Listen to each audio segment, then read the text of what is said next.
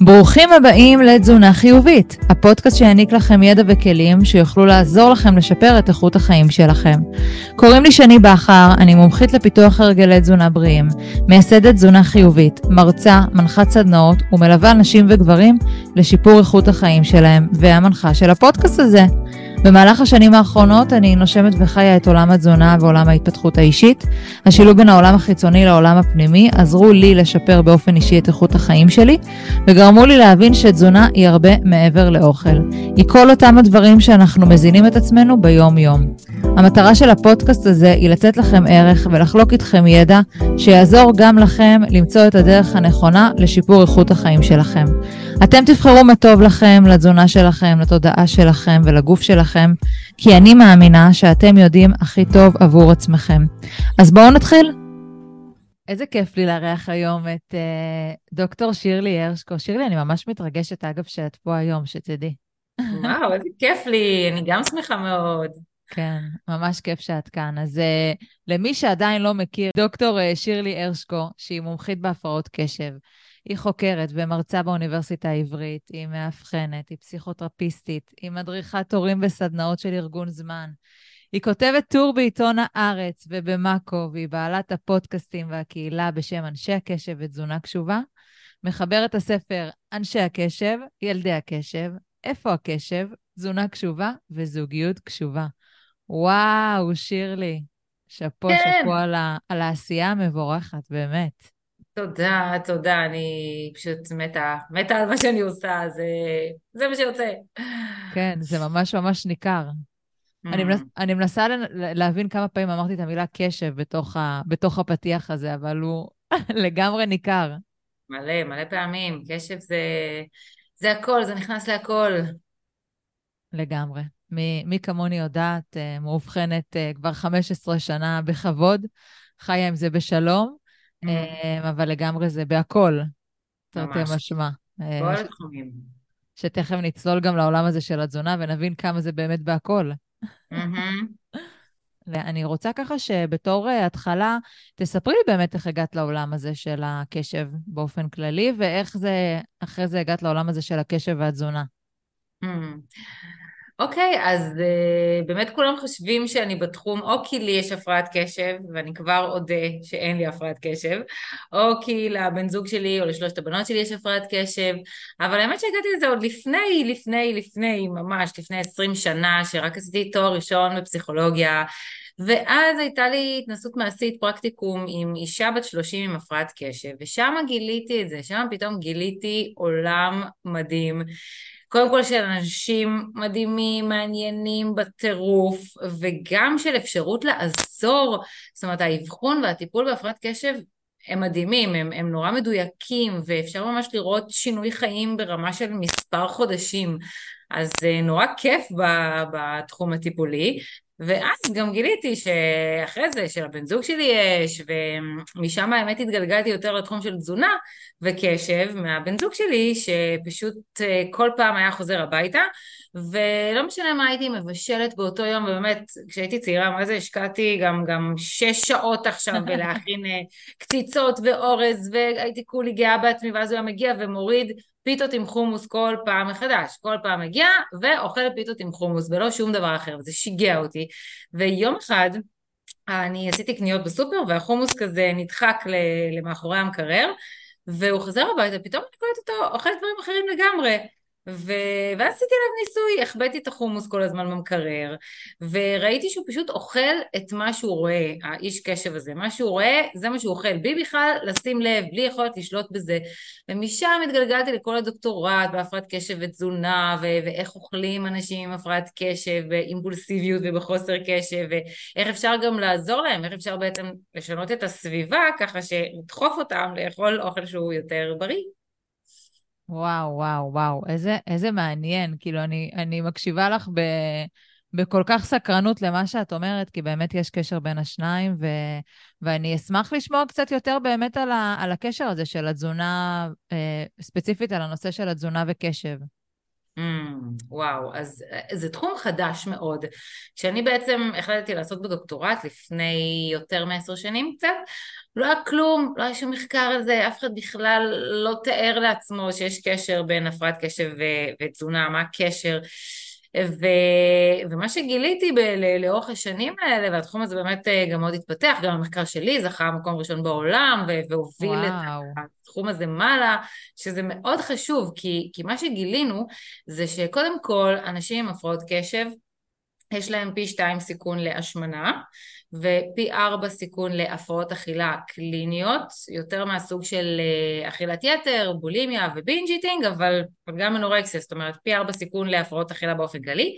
וגם אם זה לא השמנה או הפרעות אכילה, אנשים עם הפרעות קשב הם חד משמעית אוכלים פחות בריא. פשוט האוכל שהם צורכים הוא פחות בריא, הם אוכלים יותר חטיפים וממתקים ו junk food ו fast food ופחות ירקות, פירות, אה, מאכלים עם אה, חלב או עם ערכים תזונתיים גבוהים.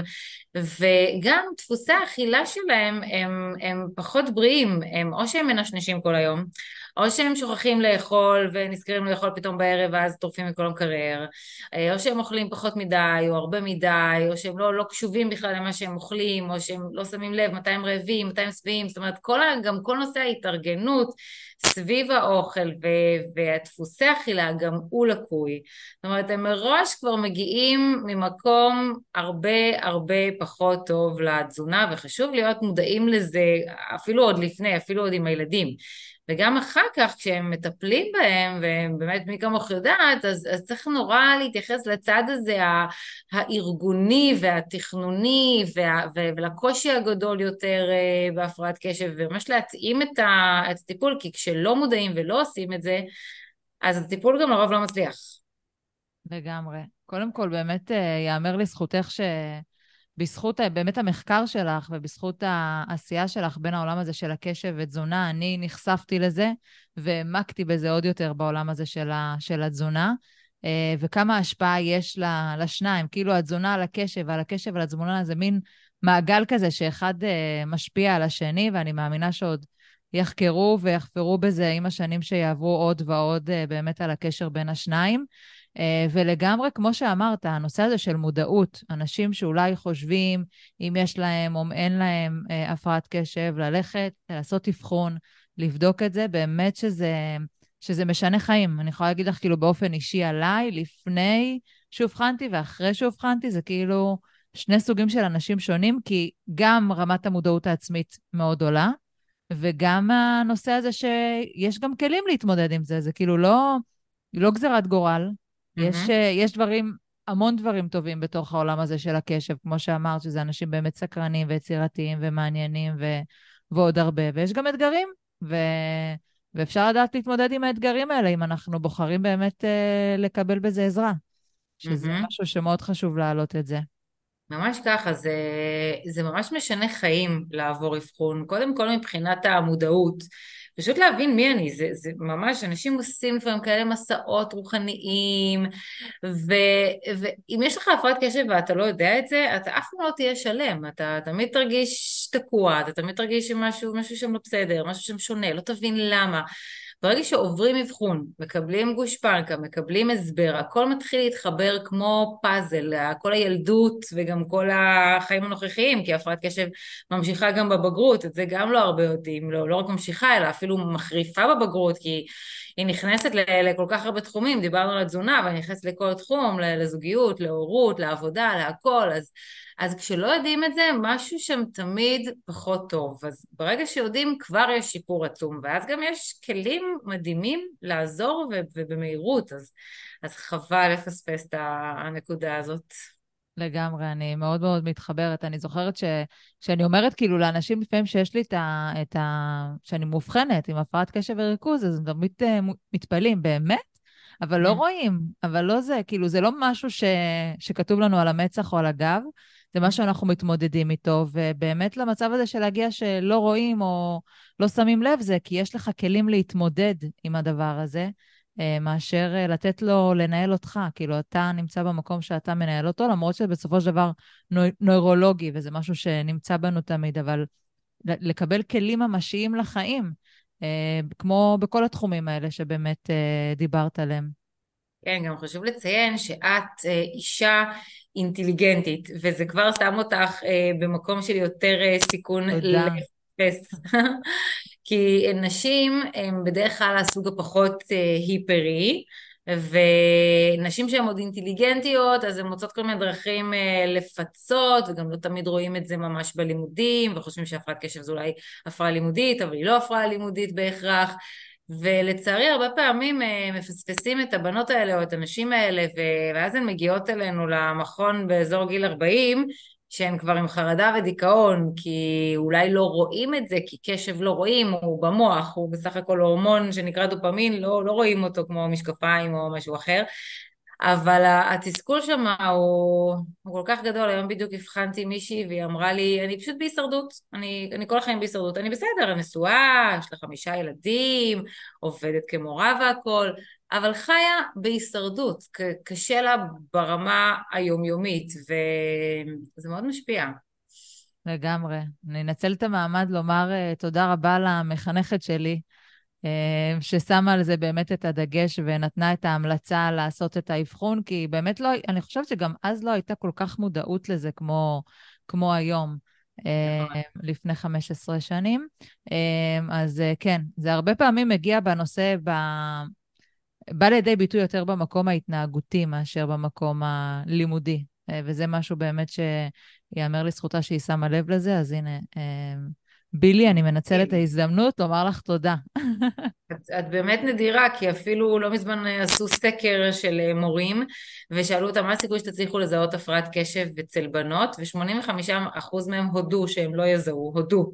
זה רק מי שהודו, בטח יש גם כאלה נוספים שלא הודו פשוט, אז כל הכבוד, בילי. כן, לגמרי, יאמר לזכותה. אז אם אנחנו מדברים על, ה, על הנושא הזה של הקשב ותזונה, אמ, איזה דברים אנחנו יכולים לעשות כדי לשפר את, ה, את התזונה שלנו? כאילו, אפשר גם לחלק את השאלה, כי באמת אה, שאלתי אה, ברשתות החברתיות שאלות שעלו לאנשים בנושא של, בהקשר של תזונה ו, וקשב, וקשב וריכוז, והייתה, השאלות התחלקו לשניים, זאת אומרת, בעולם הזה של התזונה, אם יש מזונות ספציפיים שיכולים להגביר או להפחית את הנושא הזה של הקשב וריכוז, וגם אם יש דפוסי התנהגות שיכולים להגביר וזה, אז אפשר לחלק את זה באמת את התשובה לשתיים, גם למזונות וגם לדפוסי התנהגות. Hmm, מעולה. אז המז... אני אתחיל מהמזונות, כי התשובה שם תהיה מאוד קצרה. אין. אין. אין מזונות שיכולים בוא נגיד למנוע הפרעת קשב, לטפל בהפרעת קשב, להעלים הפרעת קשב, לא אומגה שלוש ולא ויטמין D ולא זום ולא כל מיני תוספי מזון שקר כלשהו שמנסים למכור לכם בהרבה מאוד כסף וחבל. אני יכולה להגיד, באמת, הייתי בכנסים בכל העולם בנושא הזה, וניסינו למצוא, הלוואי שהיינו מוצאים משהו כזה, אבל גם, גם שום דיאטה, גם שום הימנעות ממוצרי חלב, מחיטה, דיאטה קטוגנית כזו או אחרת, והסיבה היא פשוט כי הפרעת קשב, ואולי כדאי באמת אה, רגע להגדיר אותה, זו הפרעה שהיא מולדת והיא נוירולוגית, היא בתוך המוח. בעצם הקולטנים במוח הם שואבים מהר מדי את הדופמין, שזה הורמון הקשב, ואז הוא לא נמצא ברחבי המוח. ואין שום צמח או דג שיצליח לתקן את הקולטנים האלו ולהגיד להם, הלו, הלו, אה, תשאבו יותר לאט את הדופמין. זה, זה משהו שהוא לגמרי מוחי שם בפנים בתוך המוח. עכשיו, ברור שאם אה, נאכל פחות בריא, שאם נאכל הרבה סוכרים, אז זה יחריף את הפרעת הקשב, או בכלל, גם קשיי קשב, גם אם אין לך הפרעת קשב, גם אם יש לך קשיי קשב רגילים, זה יחריף את המצב, ו, ואם נאכל בריא, אז, אז, אה, אז זה יעזור, כמו שזה יעזור לכל בן אדם, אבל זה לא שאני יכולה עכשיו להגיד למישהו, תעשה דיאטה כזו או אחרת, או תיקח תוסף מזון כזה או אחר, והפרעת הקשב שלך תשתפר פלאים, זה פשוט לא יקרה.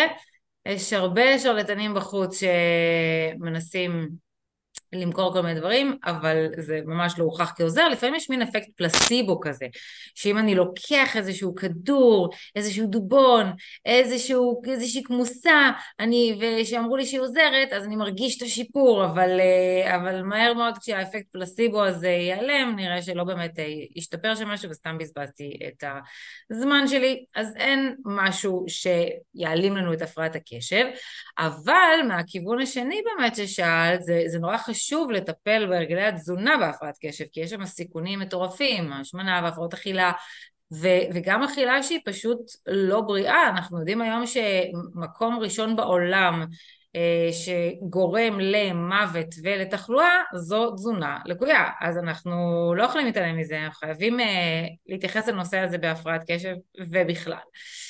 אז לגבי השאלה השנייה, נושא של הרגלים. אני מקווה שבשאלה, בתשובה הראשונה, אנשים פה, המאזינים שלנו, לא יתאכזבו. אני בטוחה mm. שכולם אה, אמרו, מה היא הולכת לשלוף עכשיו מהכובע? איזה משהו יעזור לי אה, לשפר את ההפרעות קשב וריכוז שלי? אז אה, באמת אה, תשובה חד משמעית שאין משהו, אפילו גם לא שישפר. לתקן זה לא לתקן, זה מי שאנחנו, אבל מבחינת שיפור.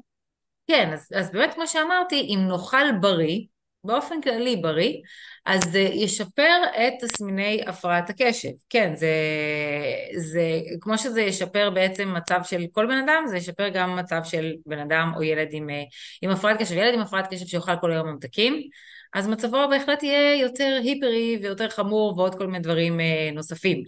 אז אולי אין משהו אחד ספציפי, מאכל אחד ספציפי שיציל אתכם, אבל, אבל כן חשוב לדעת איך לאכול בצורה שהיא יותר בריאה, וזה גם יעזור להפרעת קשב. אז, אז כן יש דברים שיכולים אה, להרע, את המצ... להרע את המצב בעצם בנושא הזה של הקשב, כמו הסוכרים שהעלית כאן, כי מן הסתם זה מה שיש בדרך כלל בחטיפים, או מוצרים מעובדים, או אני גם שמעתי על הנושא הזה של צבעי מאכל שמאוד יכולים נכון. אה, להשפיע. יש עוד משהו שאת מכירה שיכול להשפיע על זה? נכון, זה יכול להשפיע, אבל חשוב לי לציין שאין צורך להימנע. אל תאמללו עכשיו את הילדים שלכם אה, בלי סוכר לגמרי, מסכנים, אין צורך. פשוט איזון, איזון, אוקיי? חטיף אחד ביום, ממתק אחד ביום, או אם יש עכשיו פה יום הולדת או שם, זה לא שאתם צריכים לשמור עליו אה, באובר אה, שמירה, זה גם רק יעשה את האפקט ההפוך, ויכול לגרום בו להפרעות אכילה, שאלה ממש אנחנו לא רוצים להגיע. אז אה, כן, אלו הדברים העיקריים. אה, כמו, כמו בעצם לכל האוכלוסייה, אבל בהפרעת קשב אה, אפילו עוד יותר, סוכרים, צבעי מאכל, מוצרים מעובדים, יכולים להחריף תסמינים או הימנעות מהם יכולה, יכולה להראות שיפור. כן, כמו שאני אומרת, לא, לא להתנזר ולא להתחזר, ולהיות mm. מודעים ל, ל, למצב, לא לתת, לא לפתוח את היום עם איזה ממתק או שוקולד או חטיף רגע לפני שהילד יוצא לבית הספר, אבל כן לתת לו לשלב את זה במהלך השגרת חיים שלו, כי ההימנעות יכולה לגרום לדברים הרבה יותר אה, גרועים מלהחריף את ההפרעת קשב וריכוז. כן, חד משמעית. נכון מאוד. אז מה לגבי הנושא של ההתנהגויות אה, אכילה mm, מבחינת כן. הקשב? התחלת לדבר על הרגלים. נכון, נכון. טוב, זה, על זה כתבתי את כל הספר שלי, תזונה קשובה, של 200 עמודים, אבל אני אנסה... ספר מהמם, קראתי אותו עם הקדשה אישית, ואני ממליצה בחום למי שעדיין לא נחשף אליו, לגמרי. כיף, תודה, תודה, תודה. כן, היה כיף לראות ש... שקראת אותו ומרקרת. לגמרי. אז באמת לגבי הרגלים, אז צריך להבין שעכשיו לשמור על תפריט, או על אה, ארוחות מסודרות, או לתכנן לעצמי את האוכל, זה משהו שהוא הרבה יותר קשה לאנשים וגם לילדים כמובן, עם הפרעות קשב. לפעמים אה, נגיד הורים שואלים אותי על הילד שלהם, עד מתי אני צריך להכין לו כריך לבית ספר? מתי הוא יהיה עצמאי? אז, אז זה לא עניין של uh, עצמאי, זה עניין של התפקודים הניהוליים בהפרעת קשב.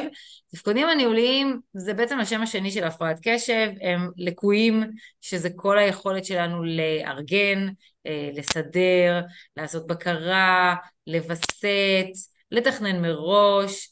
זה כל העונה הקדמית של המוח, היא נמצאה ממש בצילומי מוח כי המבנים שם יותר קטנים, ויש שם פחות דופמין באזור הזה, גם כל מה שקשור לתפיסת זמן הוא בעייתי, וזה גורם לקושי בהתנהלות אה, באופן כללי ביום יום, ועם התזונה בפרט, אז לאותם הורים אני אומרת שגם עד גיל 47 כנראה מישהו יצטרך שמישהי תכין לו כריך, כמו שאני עושה לבן זוג שלי עד היום, אחרת הוא פשוט לא יאכל, יגיע לצהריים או לאחר הצהריים כאב ראש, ולא יבין מה, מה קרה.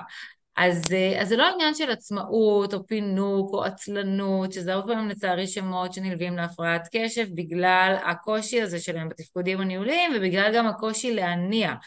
הדופמין הוא גם נחשב להורמון ההנאה, זה שגורם לי להתחיל פעולה. וכשאין לי אותו מספיק אז, אז קשה לי להתחיל פעולות. ו... אז באופן כללי הם צריכים מישהו שיותר יארגן אותם. עכשיו, הם... אפשר גם ללמוד את זה, זאת אומרת אפשר ללמוד אסטרטגיות מיוחדות להפרעת קשב של יותר התארגנות, אבל זה לא משהו שיבוא באופן טבעי וזה משהו שגם תמיד יהיה בקושי. ולכן אני גם תמיד ממליצה, גם כחלק מהטיפול שלי והלימוד שלי של אסטרטגיות, תמצאו מישהו שיעזור לכם, זה לא, זה לא בושה, כשיש אה, סוג של נכות, כשיש סוג של לקות, כשיש סוג של קושי, אז צריך יותר עזרה, ואין בושה בלבקש ולקבל עזרה, להפך, אנחנו יודעים היום שאנשים שהם הכי מצליחנים בעולם, התכונה מספר אחת שלהם שהביאו אותם להצלחה, היא שהם יודעים להיעזר. אז זה לא רק שזה בושה, אלא להפך, זו תכונה שמביאה להצלחה. אז בהחלט אפשר גם להיעזר, או באיש מקצוע, או בבת זוג, או באימא, או במישהו ש, שיעזור שם בכל הנושא הזה של ההתארגנות, על האוכל, של מה לאכול, מתי, של להכין לי אוכל מ, מראש. אני ממש מלמדת אותם למשל להכין מראש כמויות ולהקפיא או, או לשים במקרר וככה הם יכולים פשוט לשלוף אחרת הם נתקעים עם מה אני אוכל עכשיו ואיך אני אכין את זה ואיפה אני אלך לקנות את זה והסתבכויות פה ושם ושכחתי את הזה במקום וצריך לחזור אז אם אפשר אה, אה, להתארגן מראש ולהכין נגיד לשבוע שלם, לחודש שלם, להקפיא, לשים בקופסאות, זה, זה הכי טוב, זה גם מוריד הרבה מאוד טרדות כל הזמן של מה אני אוכל, מאיפה אני אזמין את זה, מה אני אקח, יש גם עוד אה, יתרונות, זה, זה יותר זול ו- וזה יותר אה, אה, גם אה, מהנה הרבה פעמים. כן. אז התחלנו לדבר באמת על, ה, על הסוגיה הזאת של כל מיני התנהגויות שאנחנו יכולים לעשות, כמו ארגון זמן ותכנון והכנה מראש, ודברים שיכולים לקדם לכך שנאכל תזונה הרבה יותר בריאה ומאוזנת.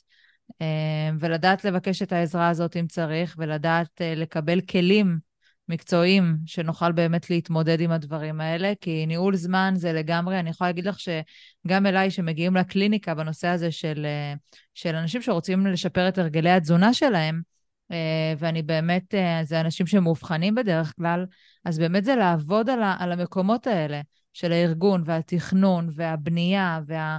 לא להגיע למצב, אני תמיד אומרת ללקוחות שלי, לא להגיע למצב שאנחנו רעבים ואז חושבים מה אנחנו הולכים לאכול. זה אחד מהביג נו נו נו שלנו כדי לנהל תזונה בריאה.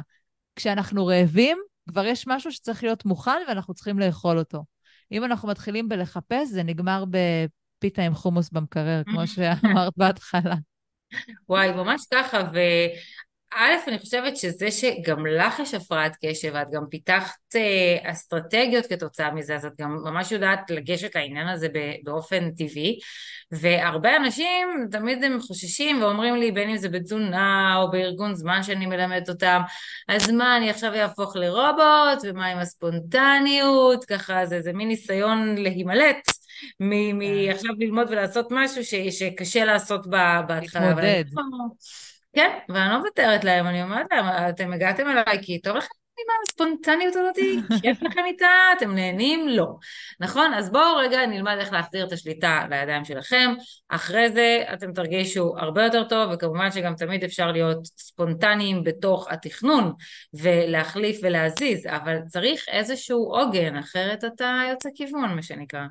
לגמרי. גם אני שמה לב, בדרך כלל אנשים שמגיעים אליי עם העולמות האלה של התזונה, ובדרך כלל מאובחנים, הם נמצאים בתוך הלופ הזה של הדיאטות כבר המון המון שנים. זאת אומרת, זה לא פעם ראשונה שהם מגיעים או לאיש מקצוע, או מנסים להתמודד עם הסוגיה הזאת של uh, הירידה במשקל, או אכילה רגשית, או תזונה לקויה, כל אחד באמת עם, ש...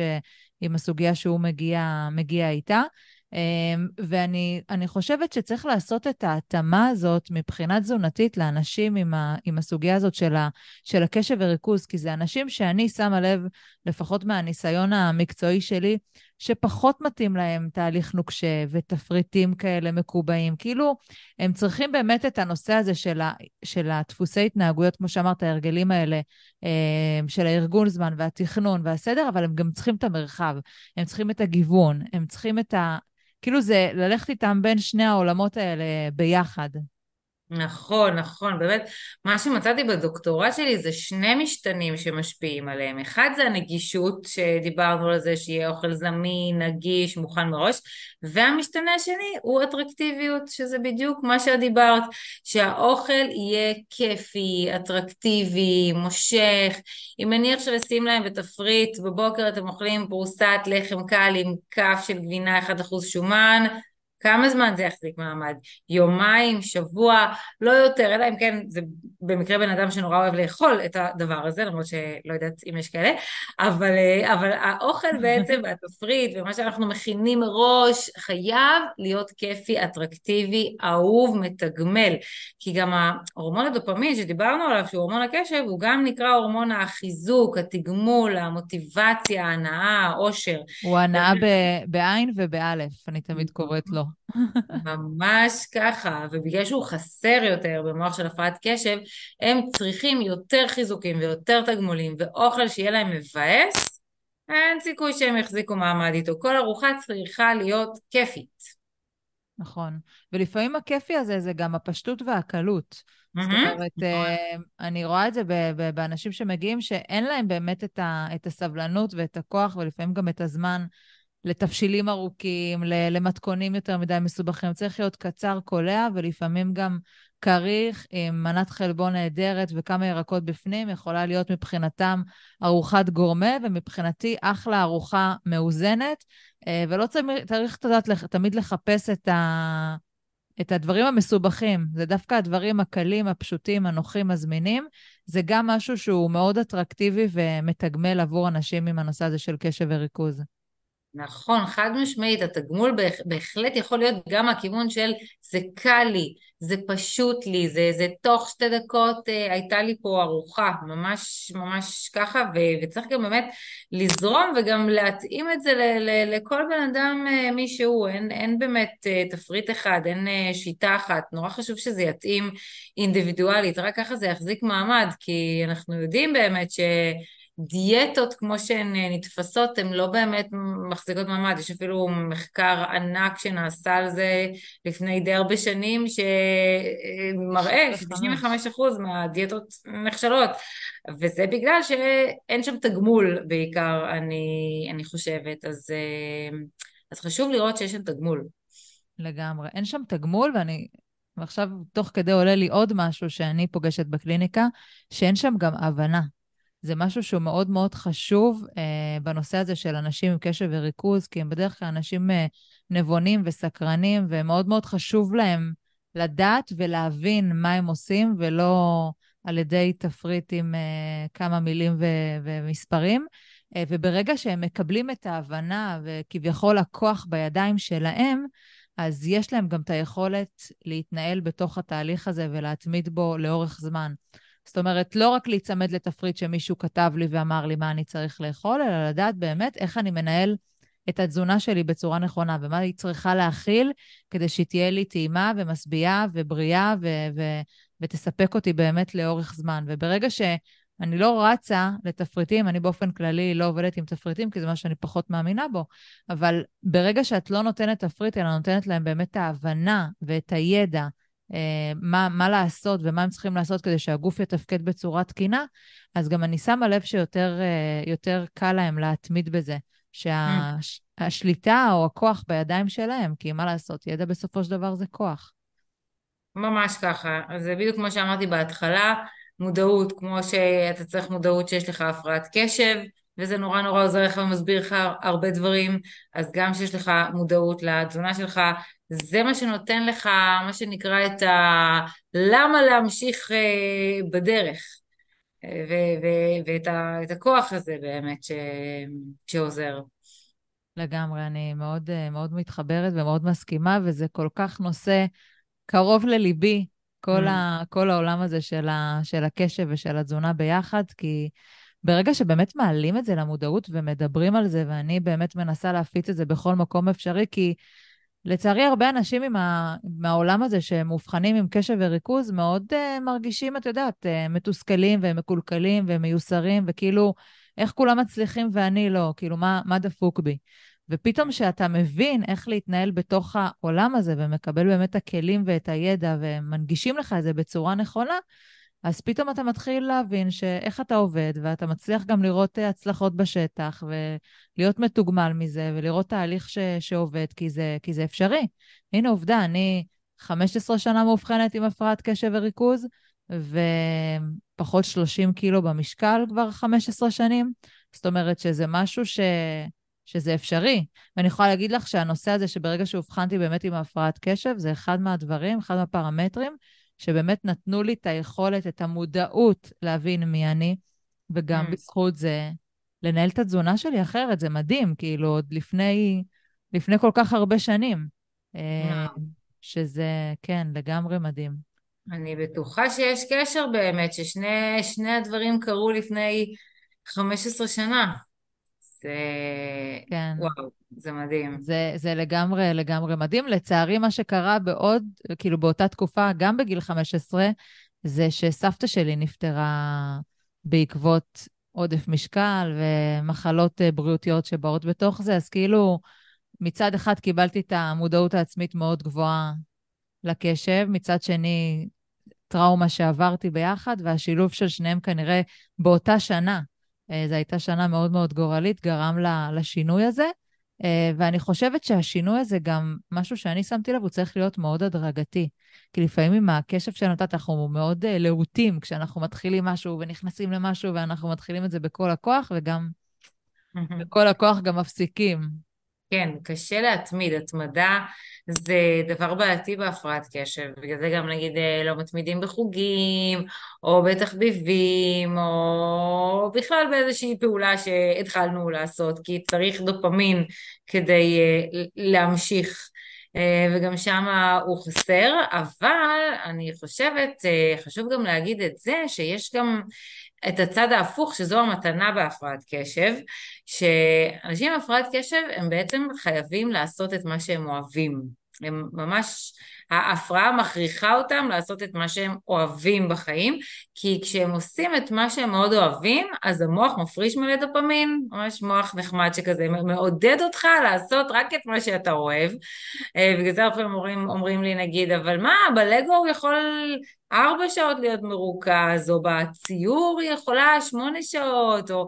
כי זה ה passion שלה. כשהמקום של ה passion, זה בדרך מקום אחד, כן, אבל עדיין, אז שם מופרש מלא דופמין, ושם מה שנקרא עפים על הדבר הזה, בגלל זה גם הרבה מאנשי הקשב, כמוך, הם עצמאים.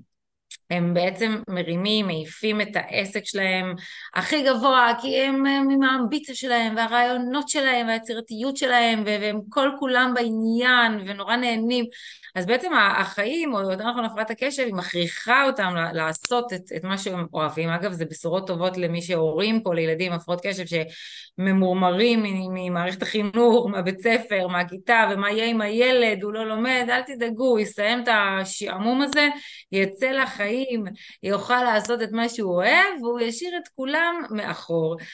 כן אני אציין ש, שלפעמים הנושא הזה של התפקודים הניהוליים הוא, הוא מפיל, כי אוקיי, יש את הדבר שאתה נורא אוהב לעשות, ואתה נורא מעולה בו, אבל אתה צריך גם לדעת להתארגן, לסדר, לתכנן, לקוחות, עניינים, בירוקרטיה, ושמה, בגלל זה מגיעים להרבה אנשי עסקים, שמה נופלים, אבל אם לומדים איך אה, את האסטרטגיות איך לעשות את זה, או מקבלים, אפשר גם טיפול תרופתי, אז, אה, אז, אז זה עוזר, ואז באמת זה, זה עסקים הכי מדהים שיש, או אפילו לא עסקים, זאת אומרת, התחום, תחום עיסוק הוא מאוד פורח.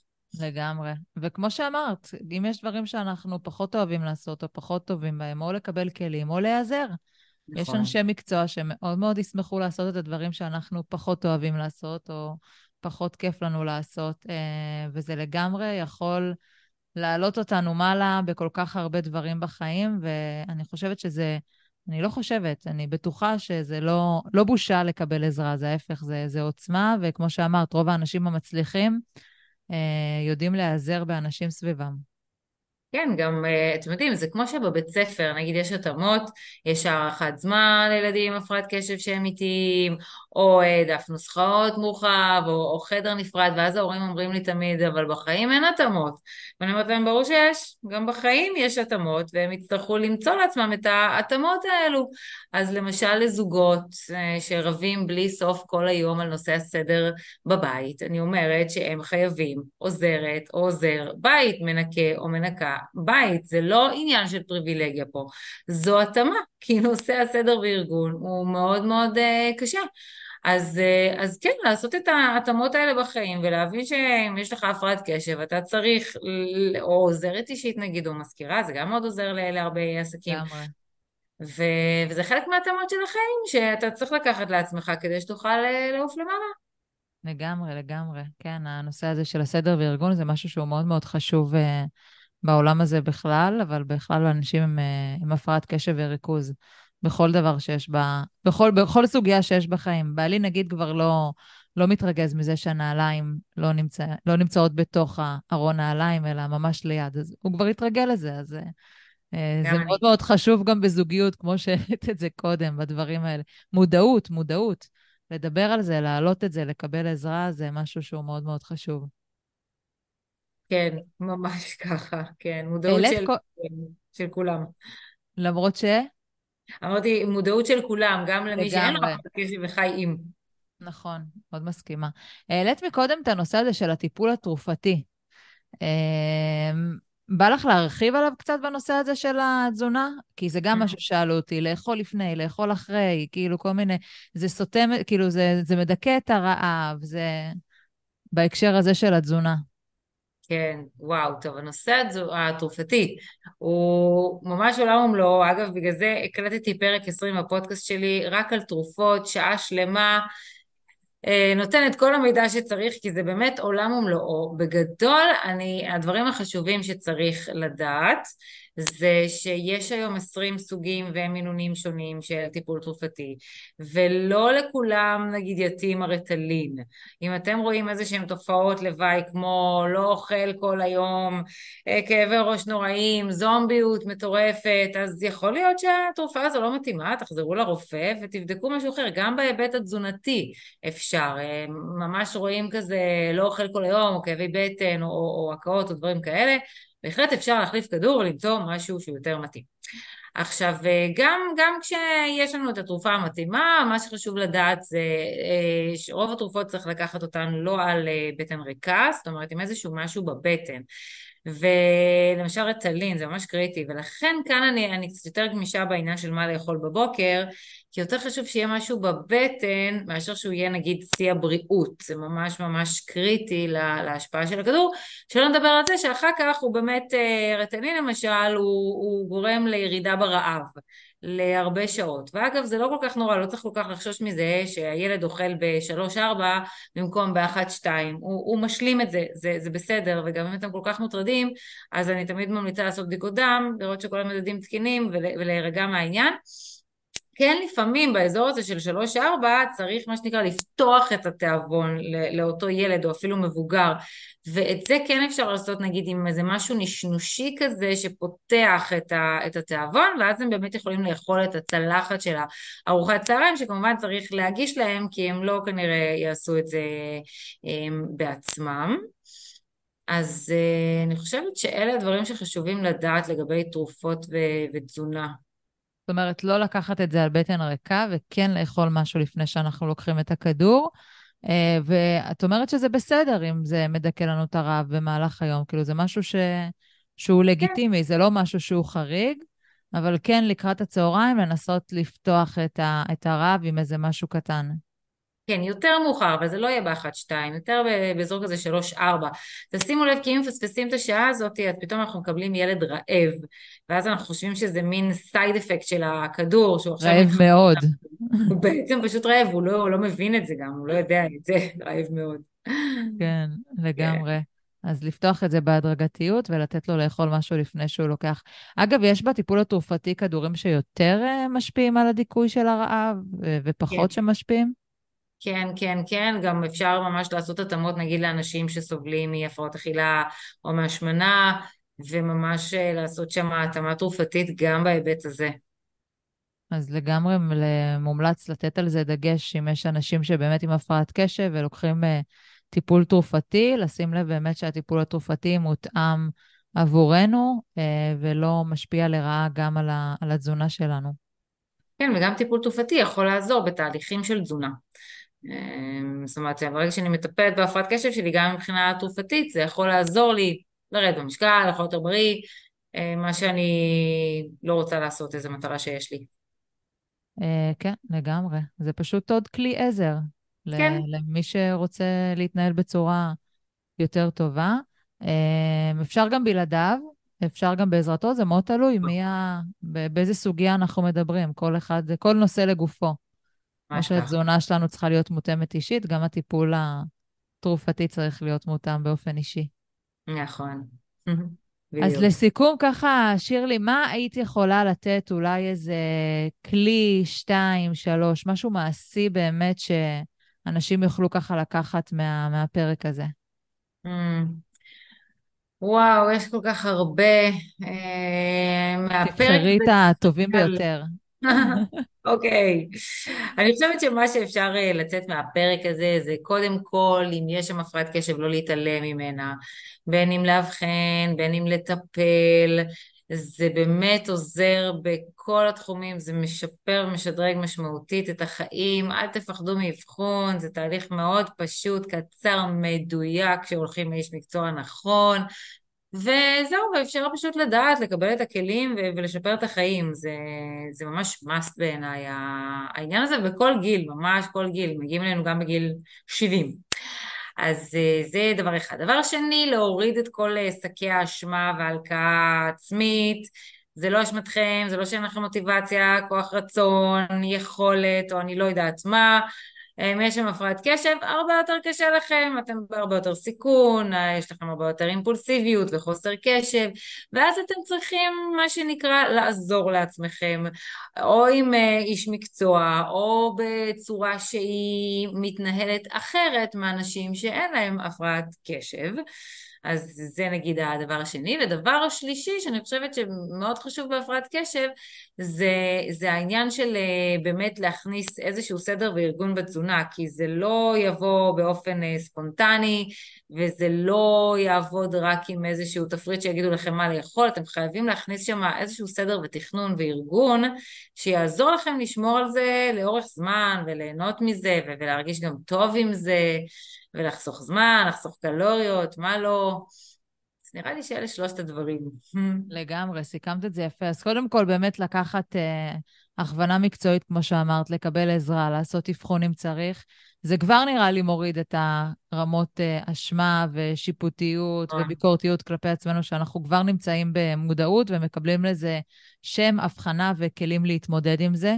אז זה באמת הראשון משפיע, משפיע על השני ביחד, אז אה, אני לגמרי ממליצה לכל מי שחושב או חושש אה, שיש לו פשוט ללכת ו- ולבדוק את זה ולאבחן את זה, ואין לזה, לזה אף פעם גיל. כאילו, כמו שאמרת, אנשים מגיעים גם בגיל 70 ו-60 לעשות את זה, אז אף פעם לא מאוחר, מה שנקרא.